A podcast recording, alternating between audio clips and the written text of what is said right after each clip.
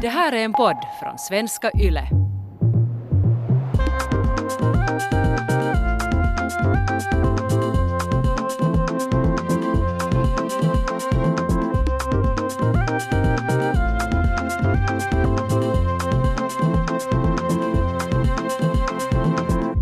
Välkommen till Sällskapet, en kulturpodd med samhällsperspektiv. Sällskapet består av mig, Kia Svetihin, och den här gången sällskapar jag med Andrea Reuter och Elmer Bäck. Välkomna! Tack. Tack. Hur står det till med Andrea? Hördu, det är jättebra. Det är ganska busy månad sen, sen vi såg sist. Tove är ju då Finlands Oscarsbidrag, så du har två stycken personer som representerar Oscarsbidrag, Estland och Finland här. Sen eh, var jag med i Efter nio och så har jag spelat in mitt eh, vinterprat för Yle Vega som sänds på nyår. Så att jag är lite sådär överallt Du är faktiskt överallt. Du Och har- sen sist men inte minst har jag börjat på ett nytt jobb. Just det, du har bytt jobb. Ja, jag har börjat på ett bolag som heter All Things Content som är ett dotterbolag till Moomin Characters. Så jag började som producent och- och eh, ja, konferencier där. Jag skulle säga sådär att är du människan som lämnar festen när den är som bäst, fast det vet jag att du inte gör, för du blir Nej, ju jag är ju alltid sist kvar. Men du lämnar liksom eh, ditt förra jobb när det gick som bäst. Ja, ja, det kan man säga. Ah, Ja. du, du bara tänkte att nu gör jag något Mic annat. drop. nej. Ja. No, alltså de headhuntar ju dit mig och, och hur kan man säga nej till att fortsätta arbeta med Tove Janssons kulturarv? Det är ju liksom, ni skulle se min campa, alltså det är en sån jävla shrine till Tove. Det är bara böcker och målningar och, och ri- ja, ja. Jag är helt obsessed av den där fantastiska konstnären. Jag hörde en, en det där, eh, jättebra intervju med Alma Pöysti i Godmorgonvärlden igår. Ja, det var nu när... I Alltså det, Godmorgonvärlden på söndag. ja, för att, Ja. ehm, dessutom ska ju Tove öppna Göteborg som är den finaste filmfestivalen i, i Norden. Så att det, Det är den här intervjun i, med Alma i, i Godmorgonvärlden som alltså kom på söndagen, så där eh, i P1, så där så pratar de ganska mycket om det här att eh, Tove-filmen kom i ett så, en så bra stund för att hon lever ju liksom i krigstid och ändå orkar hon dansa, hon tar Mm. en sup och så dansar hon. Och Alma sa liksom att det här har också gett mycket till, till oss tittare, att människor har varit sådär okej, men jag ska också klara den här tiden. Ja. Tove gjorde det, jag ska klara det. det skänker någon tröst tror jag. Det är den feedbacken vi har fått. Jag, har- jag blev faktiskt att tänka på det sen när jag hade hört den där med underbara Alma och så tänkte jag bara såhär, åh vad bra, så här ska jag tänka nu och titta. Titta på Tove. Eh, Elmer, Ja, hur är det med dig? nu är det bra. Eh, vi är just klara med, med den här tv-serien håller på att filma. Alltså det blir tre dagars studio i januari, men annars är vi i princip klara, så det är ju fyra månader. Så nu börjar det vara klart med det, så det är det stora som Hur, är, det som liksom, är det som när man, jag vet inte, skriver en gradu och sen när man blir färdig med det? Alltså hur, hur stor grej är det att man är färdig med inspelningar?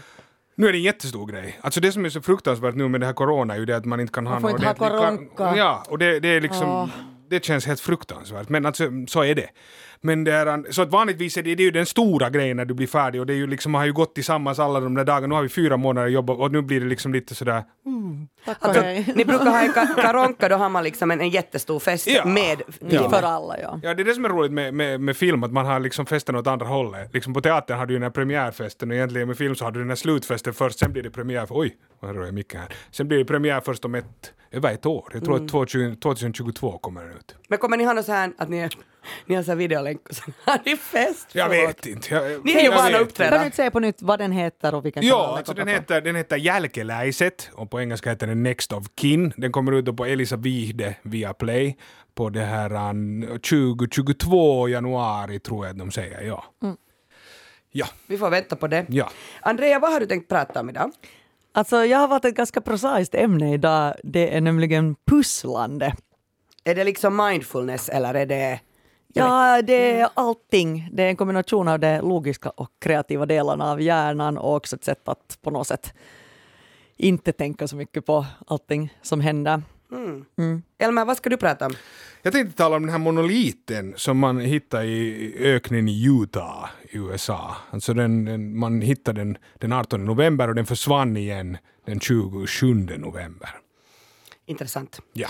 Jag ska prata om att frysa och att genomgående ha blöta kläder och att äta isbjörn. Eh, jag ska nämligen prata om André-expeditionen. För i över 130 år så har man funderat hur dog expeditionsmedlemmarna i André-expeditionen? Eh, och så här nära ett genombrott som man är idag har man aldrig varit. Och vi får alltså veta vad som tog livet av de här luftballongsfararna som har som år 1897 så hoppade de i en luftballong och så var de så här att om sex dagar så har vi flugit över Nordpolen. Jag ska då prata om att pussla.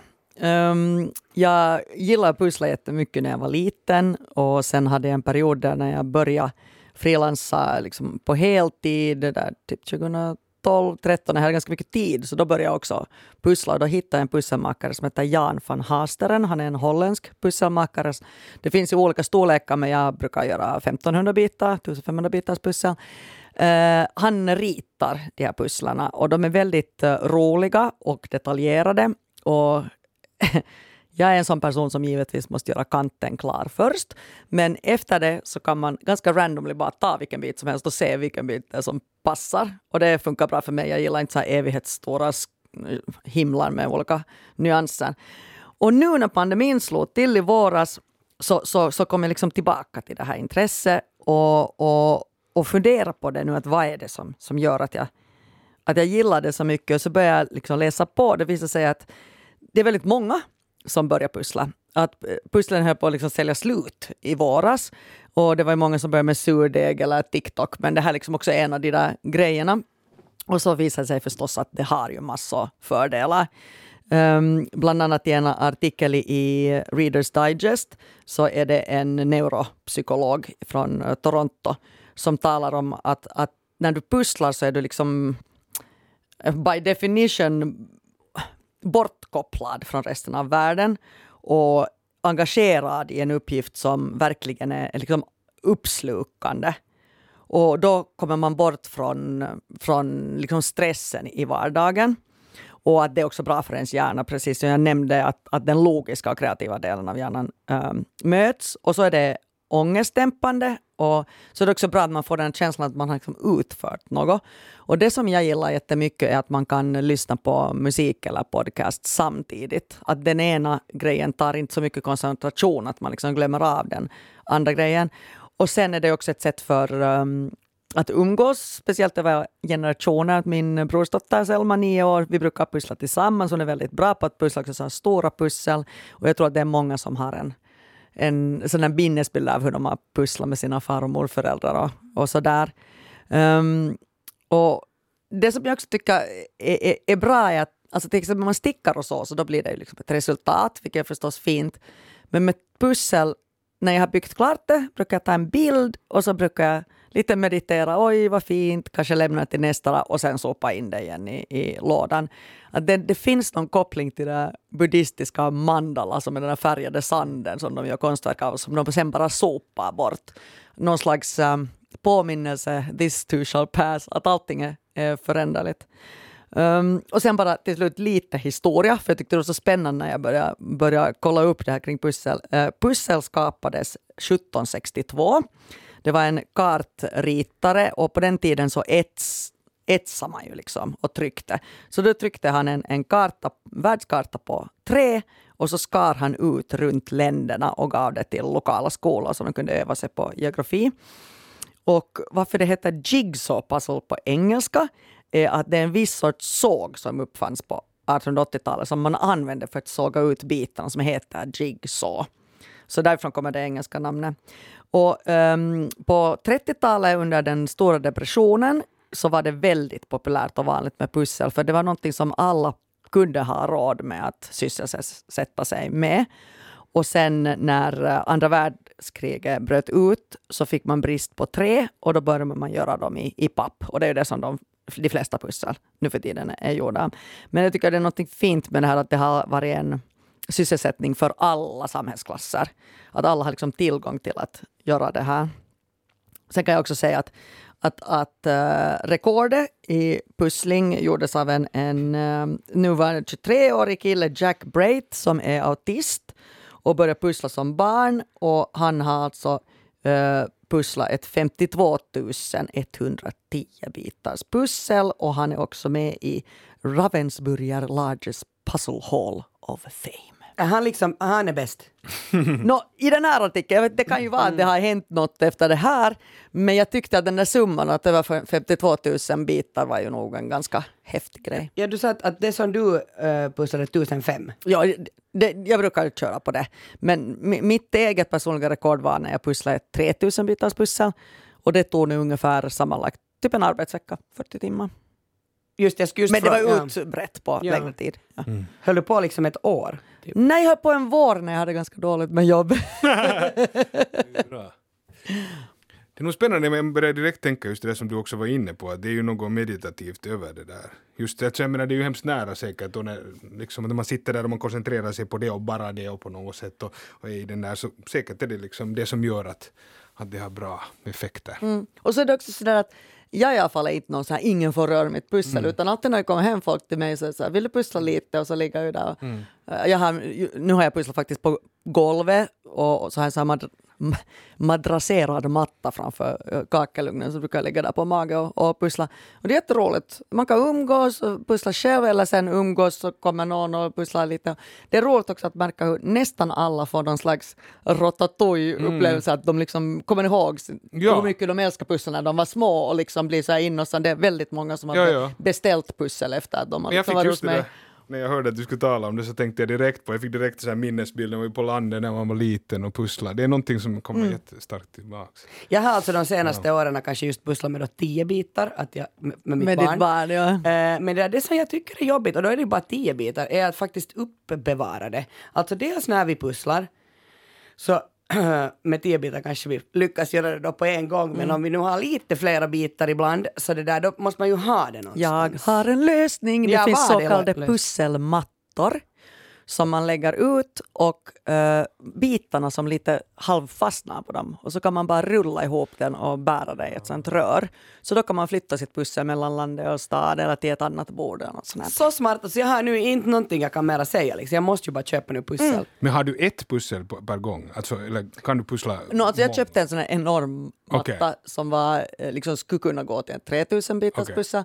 Så den räcker, då har jag klippt liksom, så Ja, den ja, ja. räcker på resten. Okej. Men, men, men eh, svaret är ändå att jag har ett pussel på Okej, gång. Jag tycker det blir för liksom, man kanske kan ha ett pussel på landet om man Ja, har en ja, sommarstuga och ett pussel i stan, men liksom hemma skulle jag inte ha flera pussel på gång. Det, det, man måste ändå avsluta. Så Mhm, mycket är jag så här producent. Liksom. Men hur är den känslan, för jag, kan, jag, jag, känner, jag känner direkt också av den där känslan, man sätter den där sista pusselbiten, hur skönt det är om man fått det klart. Mm. Det tycker jag är en ganska stor grej. Det där. Men hur, är det också jobbigt? Jag tänker sen när du ska börja från början, är det bara kul? Eller är det lite jobbigt att börja sen från början med ett Nej, nytt det är ju bara jätteroligt. Nej. Att jag liksom, så fort jag har satt för, sista pusselbiten är jag sådär Blam, okej. aldrig tänka på det där mera så är det Okej. nästa. Ja, ja. Du är inte sådär, så jag har med böcker, det med böcker? Är jag, så här, när jag läser, eller en Mm. tv-serie. Så jag är alltså nästan deprimerad när det tar slut.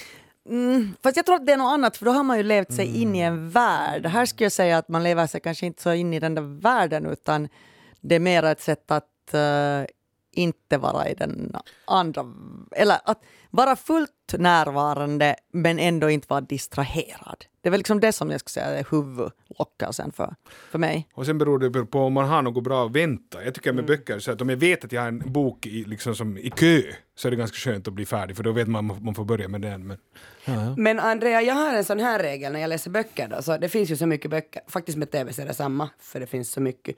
Diggar jag inte efter så, så lång tid så får jag sluta. Ja. Har du så med pussel?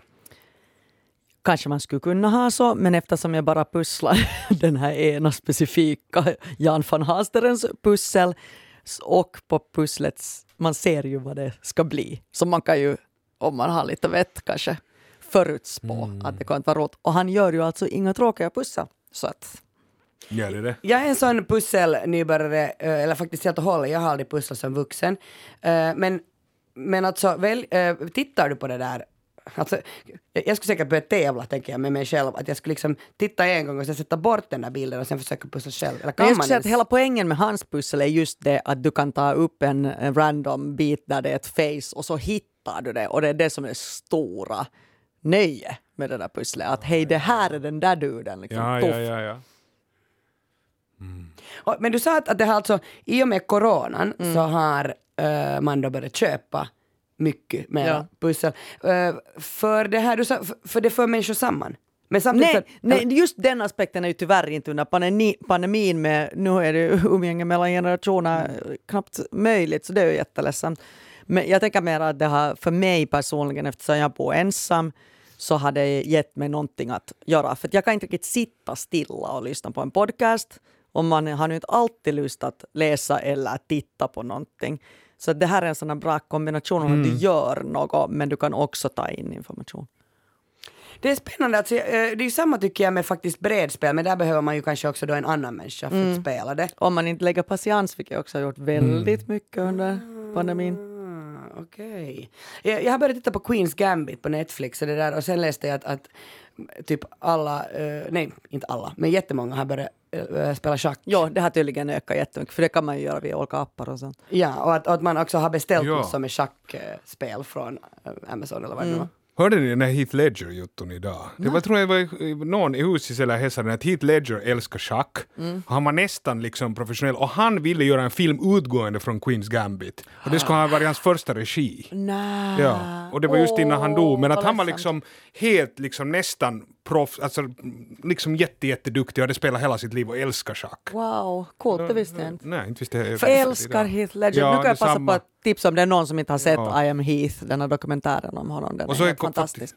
Så faktiskt den där, vad heter den där andra, den, vad han spelar Jokern, alltså Dark Knight, Mm. eh, ikväll tror jag kommer den på TV. Eller i alla fall nu helt nära det stod just. Det är nog av det bästa alltså rollprestationen tycker jag någonsin. Mm. Och han vann ju alltså, det- postumt Ja, också han vann, Oscar men för det det. är så, alltså. Och, Det är se- och vi fantastiskt. visste inte att han var också en extremt bra schackspelare, det visste inte Ja. jag. Ah, ja. När de sa att han hade sömnproblem så läste jag att han alltid gick ut och spelade schack i parkerna i, i det här New York tror jag. Ja. De, sitter, de satt där, inte vet jag om de sitter nattetid, men något så har jag hört, eller kanske kan han försöker tidigt på morgonen, så här fem, så gick han dit och spelade schack för han kunde inte sova. No, alltså jag, jag vill tala om den här monoliten, jag vet inte om ni har följt med, alltså typ det var för ett par veckor sedan i nyheterna, alltså den 18 november, det var så att det var några biologer som de flög med helikopter över liksom öknen i Utah. Där är tydligen en jättestor öken var det inte finns liksom någonting egentligen. De flög över, de höll på och kolla på så här tjockhornsfår heter det. Bighorn sheep. Alltså det är typ en sån här vild får. Okej. typ jag såg något så här foto, jag hade inte sett dem tidigare, men de, de springer runt där. Jag tror att de liksom räknar dem eller ser till att liksom, no, med dem. Exakt, och- och Försök att inte somna när de räknar på. Ja, tjockhornsfår. De räknar på från helikoptern. Och sen börjar de säga saker. Nåja. Men i alla fall. Nå, då flög de över så plötsligt så såg en av dem något som glimrade där och så var han såhär att hej, hej, vi åker tillbaks, vi åker tillbaks. Och så märker de att där står alltså en monolit av metall, en sån triangelformad monolit. Då. Och monolit, alltså ja, vad är Ja, monolit? monolit, jag, jag måste också slå upp det faktiskt. Det betyder liksom att egentligen oftast är det en sten, oftast är det något som är upp, liksom, det, det är av ett material gjort, oftast en sten, en liksom stående grej som oftast just görs som ett eh, liksom vad heter det, inte som ett altare men till några gudar eller till något sånt. Det är liksom för den, för den idén oftast. Och det är då, det viktiga är att det är av ett material och att det är ofta Ett liksom, stycke, ja, liksom. ja, Ja. som står upp. Och det här var då av metall, vanligtvis är det av sten. Men eh, ja, så det här var den här monoliten, den stod då där mitt i öknen. Och så var de sådär att vad, vad gör den här det här? Vad gör den här? Och sen så blev det ju såklart en nyhet över hela världen. Nåja. Men det här, så ville de inte säga, eller jag vet inte om det var myndigheterna som ville inte säga var den fanns för att de var så rädda att folk skulle börja liksom irra ut i öknen och dö. Typ.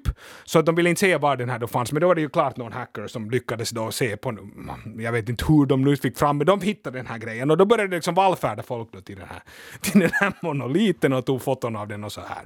Och sen plötsligt då, den 27 november, så kommer det då så här fyra killar och, och tar ner den därifrån. Och, och, och ingen vet liksom vem de här killarna är. Och det här tycker jag det här låter så skumt för att om hela världen håller på att kolla på den här monoliten så har det ändå lyckats komma då fyra killar och ta in ner den här då. Och vet man att det är fyra killar? Jo, därför att det var kamera? två typer på plats då. Det var en sån här kill, två typer då på plats då som hade tagit foton av den här monoliten. Och så han har då berättat att det kom fyra killar plötsligt dit och var sådär att hoppas du har tagit dina foton för nu ryker den här. Och så började de liksom Men och de fick loss den? Ja, och, det, och det låter som de fick loss den bara med händerna med att liksom trycka ner den och så sågade de den typ i bitar och gick. Och så, men jag tycker att det, allt låter så konstigt. Och den här killen som har varit där då sa att, att de har ungefär sagt så här, det här det är ett fel ställe, man får inte sätta upp sådana här liksom på, på, på sådant här område, att det här är fel att den här finns här. Och så sa han att, att jag, jag, jag tyckte som dem så därför hade jag inget emot att de tog det. Och sen med hans kaveri hade då tagit ett foto, så det finns här koniga foton av så här fyra killar som jobbar på den här monoliten då. Men jag tycker det låter jättekonstigt, så vadå, de här fyra killarna har kommit dit för att de tycker att man får inte sätta upp monoliter i öknen, och så har de tagit ner den, och det har varit, jag tycker att allt låter liksom hemskt. konstigt. Vad finns det nu för teorier på internet? Absolut, men nu ska komma till teorin. Men jag vill ändå gå vidare lite på vad, vad som har hänt med den här monoliten. Så att då försvann den då. Och sen efter det så började det komma upp monoliter lite överallt i, på jorden då. Alltså de var så många så jag inte skrivit upp alla, men det började med då Kalifornien och så här. Alltså i samband med den här monoliten? Ja, det var, nya monoliter kom upp överallt. Det är i Polen, Rumänien, Är de Storbritannien. No, de är olika former, vissa är av metall och vissa så här. Och, det här, och vissa av dem sitter då till helt pranks och vissa är liksom någon slags uh, marketing och så här. De har hittat vissa grejer, men vissa vet man inte vad det är. Och vet ni vad som hände för tre dagar sedan? Savonlinna, ny slott, där finns en monolit. Nä! Ja, och, ja som, som, som är utanför Simon och ingen vet hur den kommit dit, så vi är med i det här. Yes. Men Alltså, det, det det måste ju bara- vara, antingen är det ju en prank eller sen är det ett konstverk. Ja, det här är ju det. Och, där, och då börjar man fundera på vad det, vad det är då. Och det är just det de säger, att det är antingen då ett... No, först är ju det ett utomjordiskt liv, det skulle man väl tro på, men det är troligen då inte Äsch. sant. Men det här, då säger de då att det är konst eller då prank. Men det, det som det är ju direkt man börjar tänka på är ju den här 2001 Space Odyssey. Så att där i början, om ni kommer ihåg den där aporna är där, och, så kommer ju den här monoliten där. Och sen det här. Och då läste jag lite på om det, så att i böckerna, så, i böckerna i då 2001, så när monoliten kommer alltid till människorna i de där böckerna, då när de håller på att göra ett evolutionärt språng.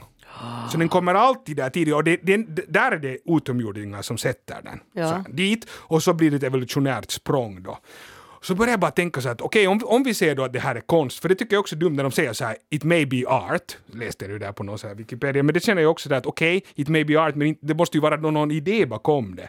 Men då börjar jag tänka så här att okej, vi lever i sådana tider nu med den här pandemin, men också med klimatkrisen, vi lever ju i sådana stunder som ändå känns som att det är lite slutet på något. Att om vi inte fixar det här så, så skiter det sig. Inte tror jag det är liksom världens undergång, men jag menar det är lite ändå sådär att nu måste vi Ja, göra vi har ju något. talat om CRISPR och Neuralink och allting. Absolut. Det händer ju jäkligt Exakt, så vi står ändå på en sån här knivägg, om man kan säga så. Och, det här, och då tänker jag just att, att vad om det här då är liksom sådär att nu behöver vi ett evolutionärt språng, hela mänskligheten tillsammans. Och då blir det också att den kommer upp på olika platser i världen. Alltså det här tycker jag är så, Så, så, liksom så coolt och då blir jag så glad att ny slott är med. Är sådär, och ändå att det är liksom ny slott.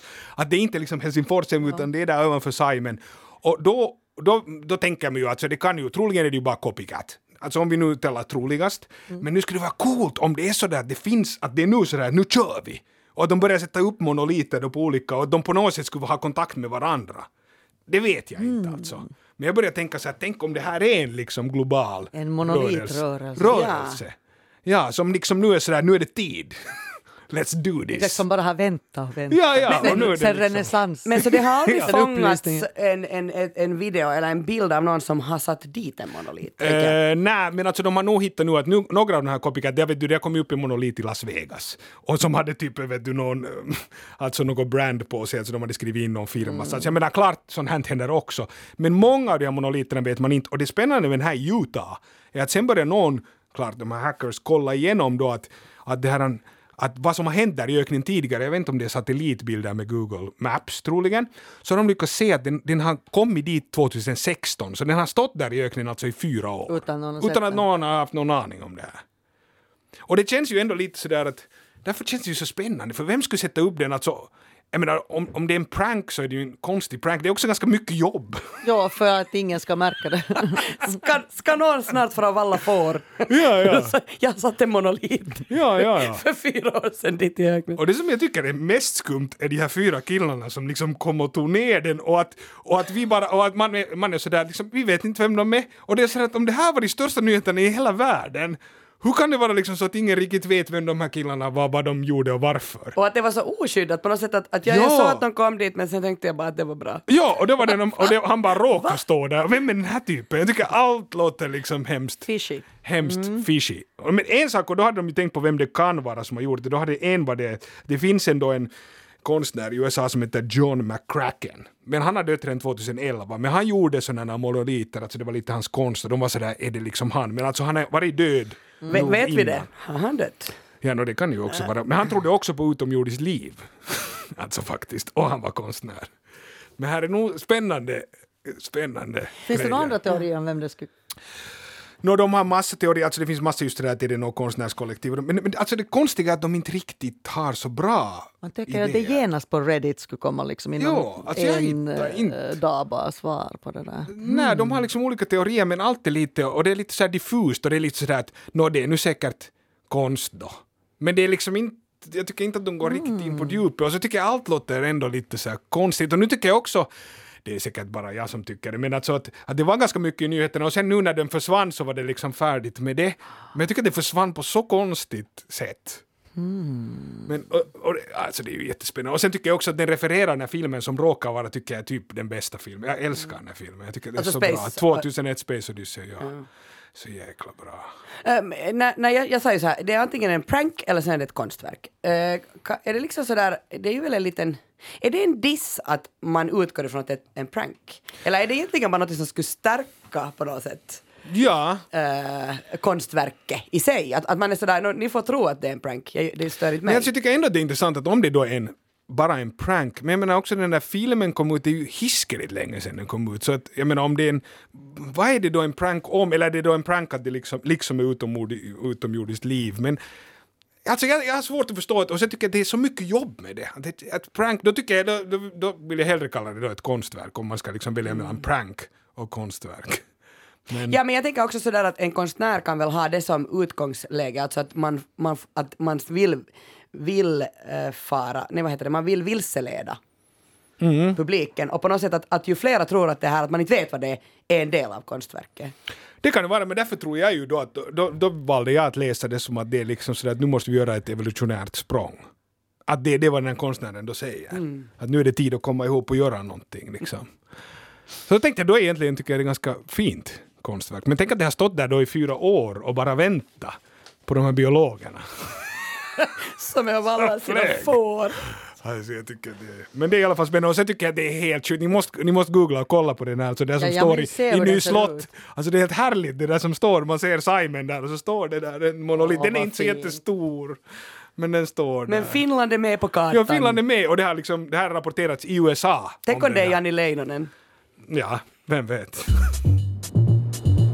Jag har funderat på André-expeditionen och eh, det är en gåta som har gäckat världen sedan 1897. Hur dog de här expeditionsmedlemmarna i Andrés polarexpedition?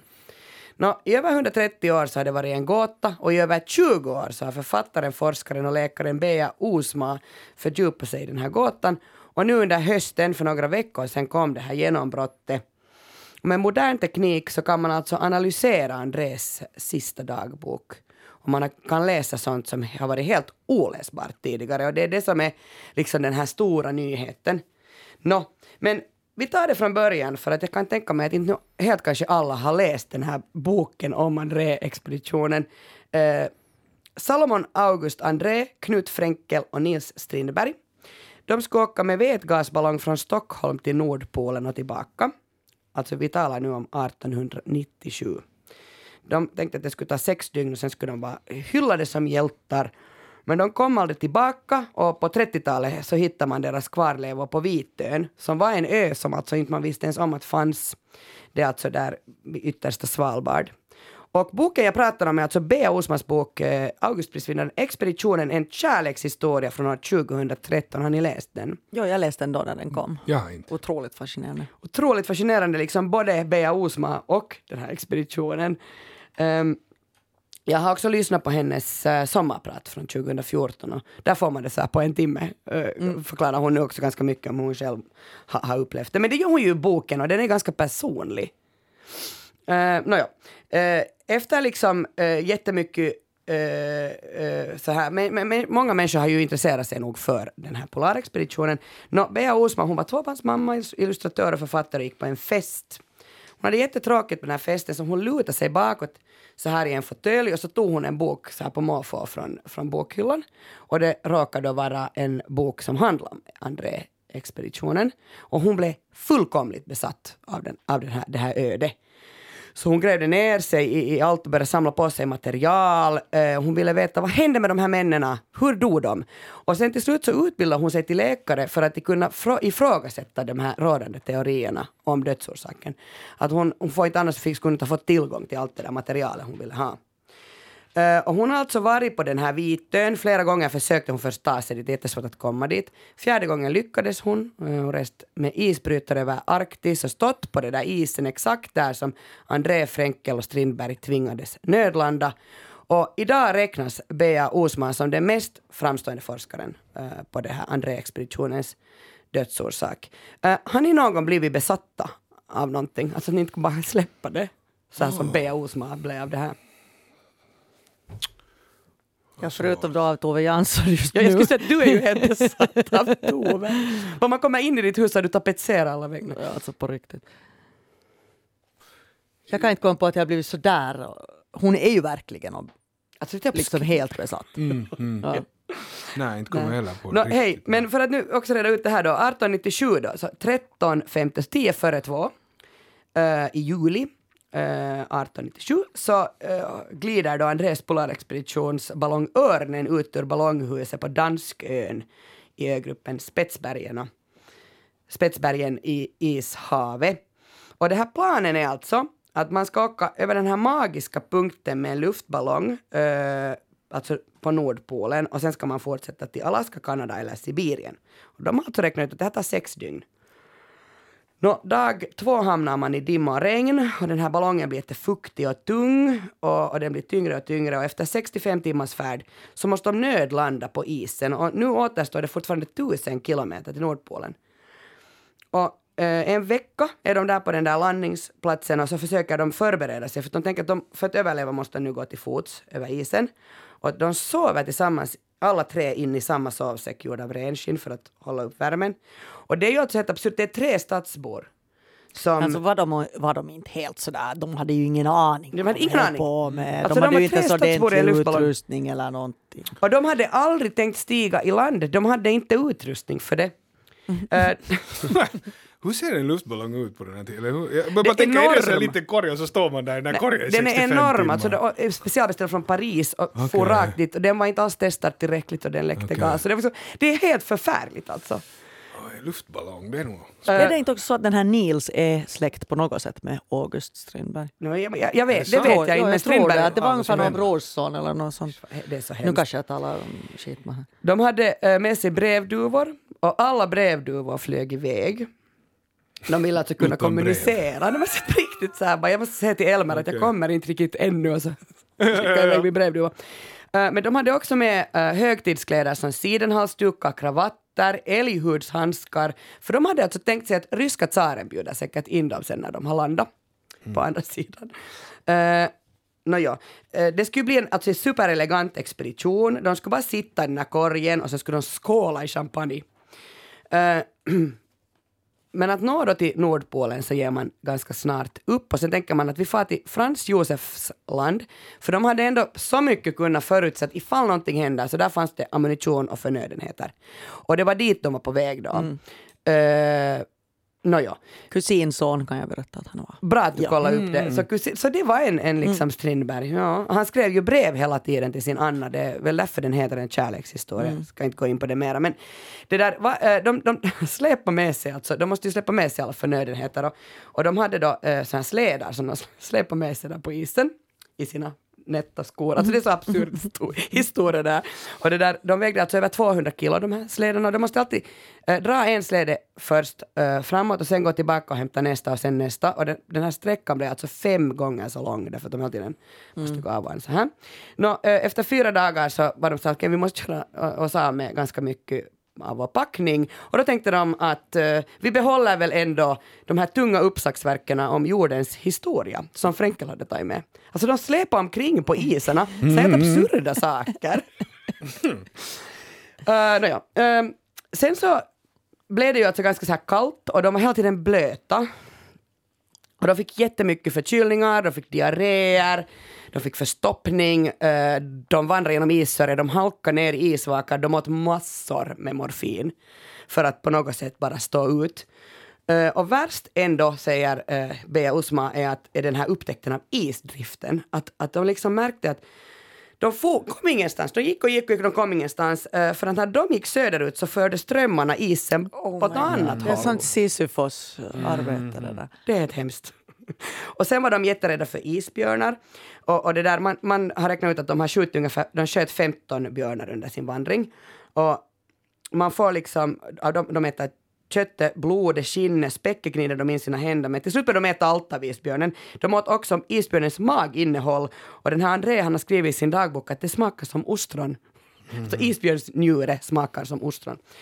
Eh, I två månader så, Man lär kämp- sig något nytt Ja, varje dag. något nytt varje dag. Ja. så kämpar de sig över is och råkar och sen börjar matförrådet sina, polarvintern börjar närma sig.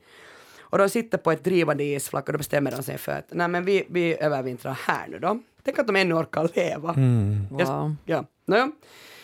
Då börjar Strindberg bygga eh, en hydda av is som han döper till Hemme och då siktar de första gången land och det är då alltså ungefär 10 kilometer bort så ser de eh, den här vitön som inte fanns på något karta. De minns inte att den där ön fanns. Och faktiskt sen några dagar senare så spricker deras isflak och vattnet börjar forsa in i den här hyddan så det var ju helt i grevens tid och de beger sig då mot eh, Vitön.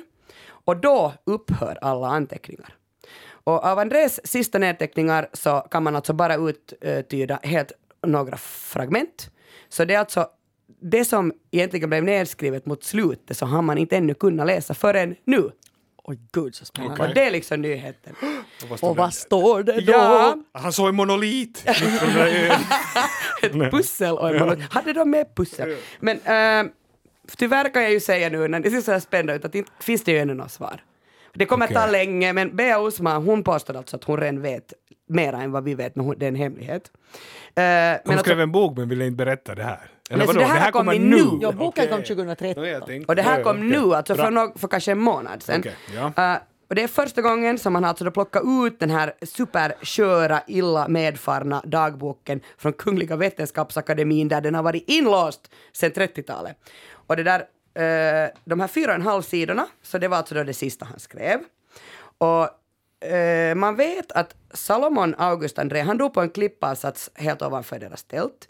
Knut Fränkel dog på marken nedanför honom, de har hittade ju dem då på 30-talet. Och Strindberg, han hittades begravd under stenar och man antar väl att han var den som blev liksom isbjörnsbiten.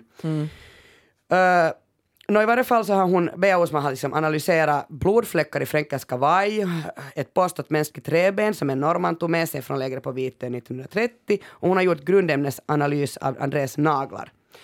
Eh, Men nu har hon då kanske fått en text. Det är ungefär så här att, att man kan läsa kanske var tredje ord från den här dagboken, för det är så mycket mögel på den. Så det är jättesvårt att, att tyda någonting.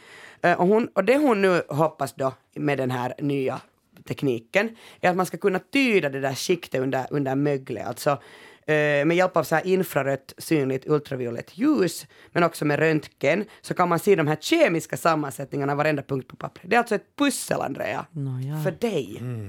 Eh, men, men det där, hon har själv sagt att det är hemligt det hon har läst, men att hon har läst saker som ingen annan har läst förutom Salomon André år 1897. Så nu sitter vi ju nog och väntar på att kan hon snabbt lägga det där pusslet så att vi också får veta vad det egentligen var som hände.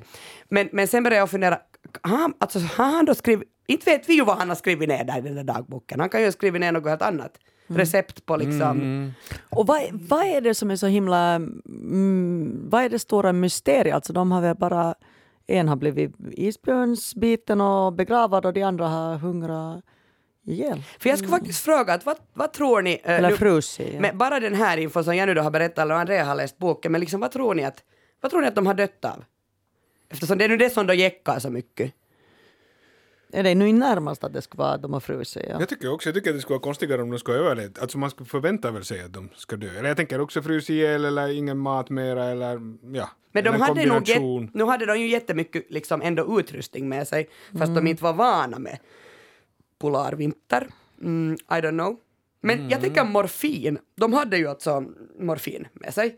Kan inte, alltså jag skulle bara ta överdos. I- Ja, Ja, med flit. Ja, ja. Jag skulle ta livet av mig. Det, ser, det såg ju inte värst hoppfullt ut, Nej. deras Men- situation. Nu, okej, är det kanske det då alltså, att hon också utgår ifrån det och att han kanske har skrivit någon form av avsked? Ja. Ah, Någon det hade jag hälsning. tänkt. Ja.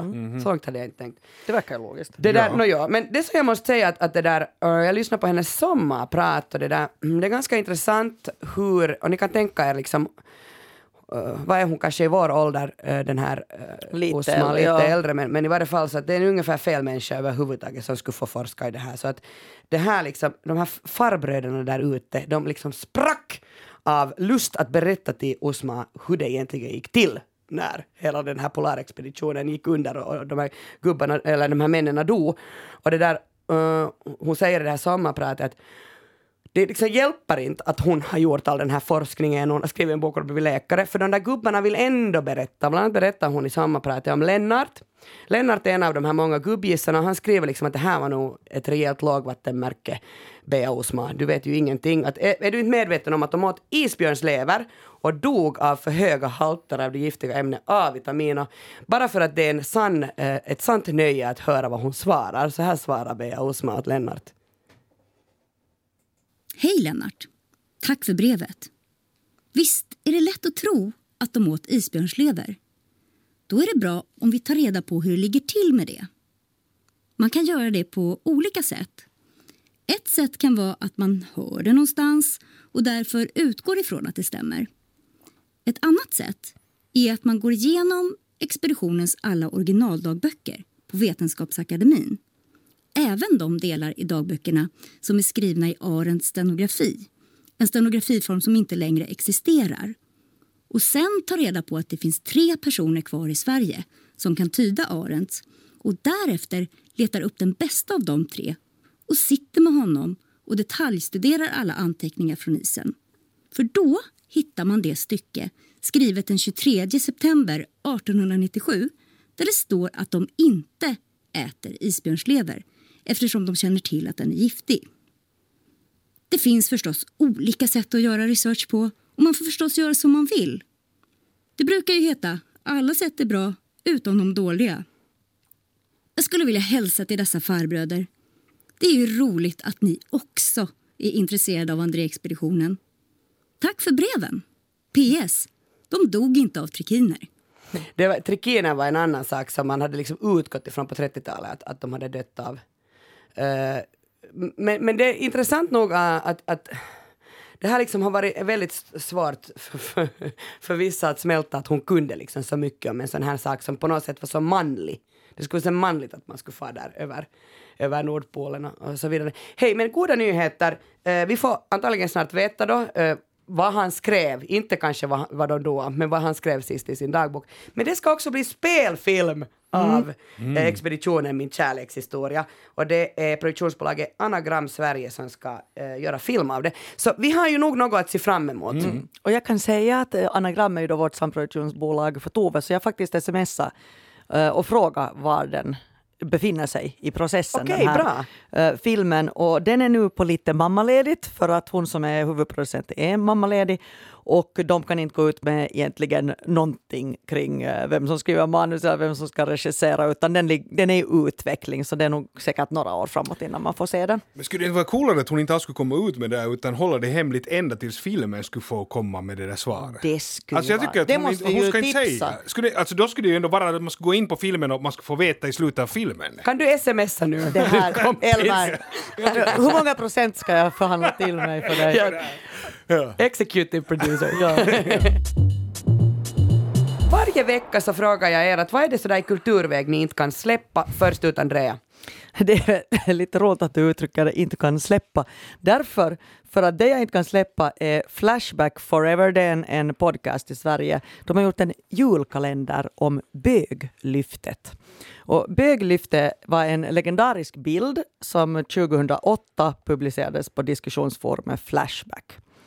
Och eh, så har då de här tre kvinnorna som har Flashback Forever, som helt enkelt är en podd som diskuterar olika trådar på Flashback. Det är liksom svenska versionen av Reddit, eller vad man ska säga. Det är komikerna Emma Knyckare, Scroll-Mia och Ina Lundström. Och nu har de gjort en julkalender om den här bilden. Den här bilden, om man, man förklarar så där enkelt, är två unga killar och eh, den ena lyfter den andra så att han liksom ligger i hans armar och så håller han med sin ena hand fast i den här killens stånd.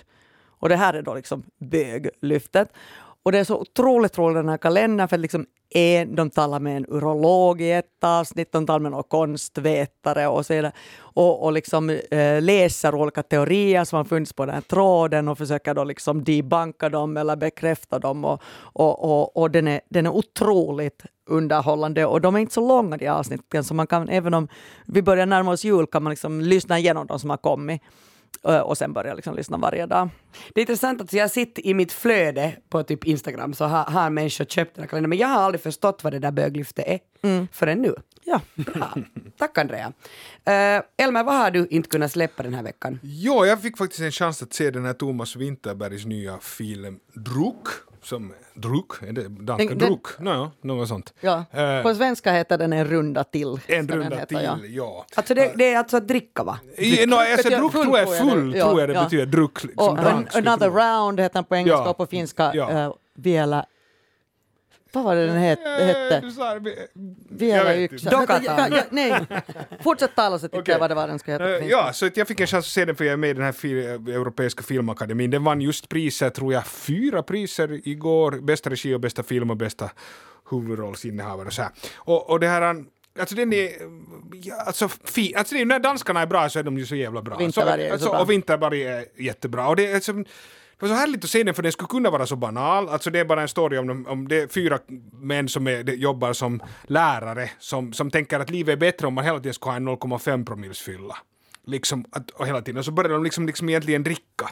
Och sen, men sen på något sätt så lyckas den ändå börja handla om allt. Alltså den, den är på alltså, något förlåt, sätt... Så... men vilken strålande idé! Ja. Alltså att ha 0,5 alltid. Det är, liksom, det är det som är idén från början. Att det, det är liksom, ja. Att, och, och, och, till början så går det ganska bra, så ska jag inte berätta det mera. Men, men alltså, ja, vad ska jag säga om den filmen annat än att den var absolut sevärd och han är ju härlig Mads Men hur har du liksom sett den redan nu fast den kommer först i februari? No, men det är just därför att jag är med i den här Europeiska filmakademin så då får jag också Ooh. rösta om de här filmerna. Alltså du är med i någon jury? Eh, no, ja, alltså det är samma system att, att, men det är liksom massor över hela Europa som är medlemmar och så får man då tillgång till filmerna får man få rösta då just till den här Film Awards som just var igår då. Eller det, det var förra fredagen. Förra fredagen. Ja, okay. ja, ja, förra fredagen. Jag säger, ja. jag säger så att Thomas Winterberg, uh, så för mig är liksom festen absolut ja, så här, ja, det bästa han någonsin har gjort. Men mm. jag har inte riktigt uppdaterat mig när det gäller honom. Jag tyckte jakten, jakten, jakten ja. var jättebra. Ja, men Mads Mikkelsen ja. handlar om en, en barnträdgårdslärare som blir beskylld för att ha förgripit sig. Ja. ja. helt fantastiskt. Den har jag också sett också. faktiskt. Ja, ja usch. Men jag måste säga alltså... Sen tycker jag jättemycket om den där Submarin ja, ja, ja. Den är helt ja. fantastisk. Men jag måste säga att den här All about love jag gillar den, den liksom gick under alla. Ingen, ingen liksom gillade den och den fick bara skit. Den med Joaquin Phoenix. Ja, den med Joaquin mm. Phoenix och nu kommer jag inte ihåg, alltså det är ganska länge sedan, det var då direkt efter festen, ganska tidigt, så åkte han till Hollywood och gjorde den och något annat. Men alltså jag tycker att den är riktigt bra. Vad jag nu kommer ihåg, nu är det ju många, många, många år sedan jag såg den. Men alltså den, den kan man också kolla men, upp. Men, Okej, men äh, jag vill ändå lite... Jag kan säga nu, jag kollar upp nu, den heter alltså Yhdet vielä. Nåja. När no, den ska lanseras i ja. Finland. Nu tänker jag bara passa på eftersom jag har filmnördar här, att vad liksom är det som gör med... Dan du sa Elmer att Danmark är bra när de är bra. Men Danmark har ju gjort, tycker jag, jättemycket bra jo, jo. i film och tv-serieväg. Men vad är det där speciella? Vad är det de gör? Det finns, no, det ja. finns ju en teori som, som går ut på det att, att Danska filmskolan, som är ju nog är Nordens främsta film, filmskola, uh, har de ett arbetssätt som går ut på att man, man arbetar mycket tillsammans och det här liksom fortsätter sen i det professionella livet att uh, man pantar inte så mycket på sina idéer som kanske i många andra länder utan att andra får läsa manus, komma med... Det finns liksom en kollegialitet mellan då konkurrenter, att, att man ber folk kolla på klippversioner eller titta på manus och så vidare. Att man tar liksom hjälp mera utifrån. Uh, det är en av de teorierna jag har hört. Jag har också hört något sånt att liksom en ny, vid något skede hörde jag att en ny regissör fick göra sin första film, att de gav pengar till någon som skulle komma ut så man fick en chans. Mm. Liksom. Det, ja. Danska filminstitutet ja. har ju haft den här New Danish Screen väldigt okay. länge som ja. är att de låter förstagångsregissörer få en viss, det varit ganska lite, säg typ 10 miljoner danska mm. kronor och sånt och så får de liksom göra sin första mm. film. Um, så det verkar vara det liksom både i, i, finansieringen men också ganska mycket så arbetskulturen. Men sen tror jag också att det är lite dansk kultur, att på något sätt Ja. känns det som att de är så icke-moraliserande och det är det som jag tycker är helt underbart. Ja. Alltså det är så icke liksom Hollywood, det är så icke liksom gott och ont och det, och jag menar, och icke politiskt korrekt. Ja, alltså det är faktiskt, absolut. Jag, känner, jag har en god vän som är, är, är dramaturg som läser liksom inom tv-serieväg allting i, i Sverige. Hon sa att det, det är väldigt problematiskt därför för att folk har liksom en hög eh, kunskap kring hur man skriver men ingen har liksom levt egentligen Mm. eller varit med om någonting. Att man skriver bara sånt som är liksom rätt att tycka och därför blir det inte intressant. Ja. Men nu kommer jag ihåg den här tidigare också, vad var det nu, Susanne Bier, och nu kommer jag inte ihåg, hon jobbar ju ofta tillsammans i Danmark med han den här, An, nej men han som skriver, som har skrivit efter bröllopet. Anders ja, någon, någonting, jag men jag tycker att de var liksom, det kommer jag ihåg då, att det var så fantastiskt, just efter bröllopet och älskar det för Den är evigt. så och de här, bra. alltså, så jäkla bra, och just sånt på något sätt emotionellt sånt som man aldrig har sett och att alla alla karaktärer är också så på något sätt problematiska. Alltså, Anders Thomas Jensen och ändå så levande och mänskliga. Ja. Susanne Bier är ju hon som har regisserat The Undoing nu. The Undoing, som Ja. vi pratade om. Ja. Ja. För någon, för Vi för också, vi sträckvittade den. Alltså jag tycker inte att den egentligen var så bra, men man kunde man inte sluta ändå kolla på den. Nej, jag tycker hon är, hon hon är faktiskt en av mina toppregissörer. Jag älskar Ja, Susanne Biers grejer. Helt, helt fantastiska saker hon gjort. Hej, men bra tips, vi får bara vänta då till februari.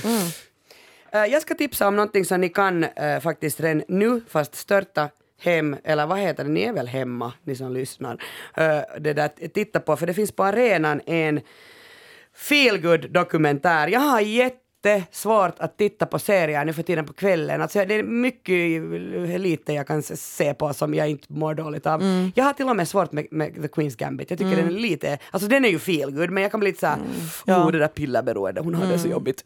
Eller, eller när de är, mobbar henne i den där skolan, jag har alltså inte kommit så Ja, långt. det är liksom tid för eskapism nu tycker jag. När det är mörkt och pandemi och allt.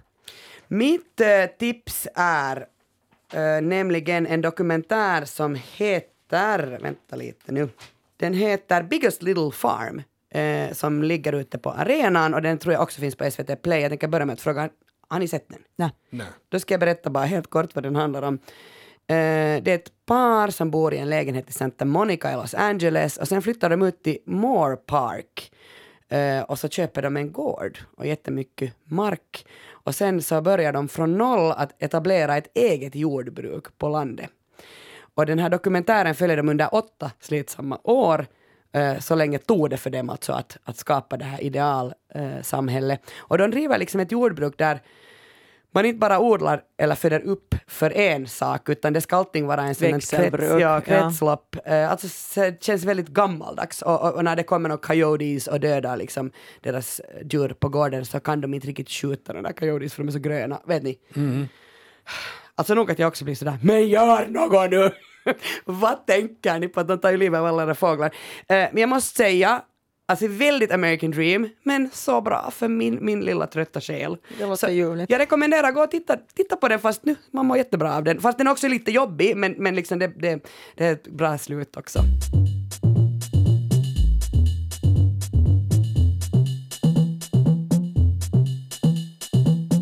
Tack Elmer Bäck. Tack. Tack Andrea Reuter för Tack, sällskapet. Har ni lyssnare där ute någonting på hjärtat, tveka ej, skriv oss. Vi har alltså en egen mail, sällskapet.yle.fi. Alla referenser och hänvisningar hittar du i avsnittsbeskrivningen på arenan. Nästa vecka sällskapar Jonas Forsbacka med Biffen Ahonen och Ellen Strömberg. Hej då!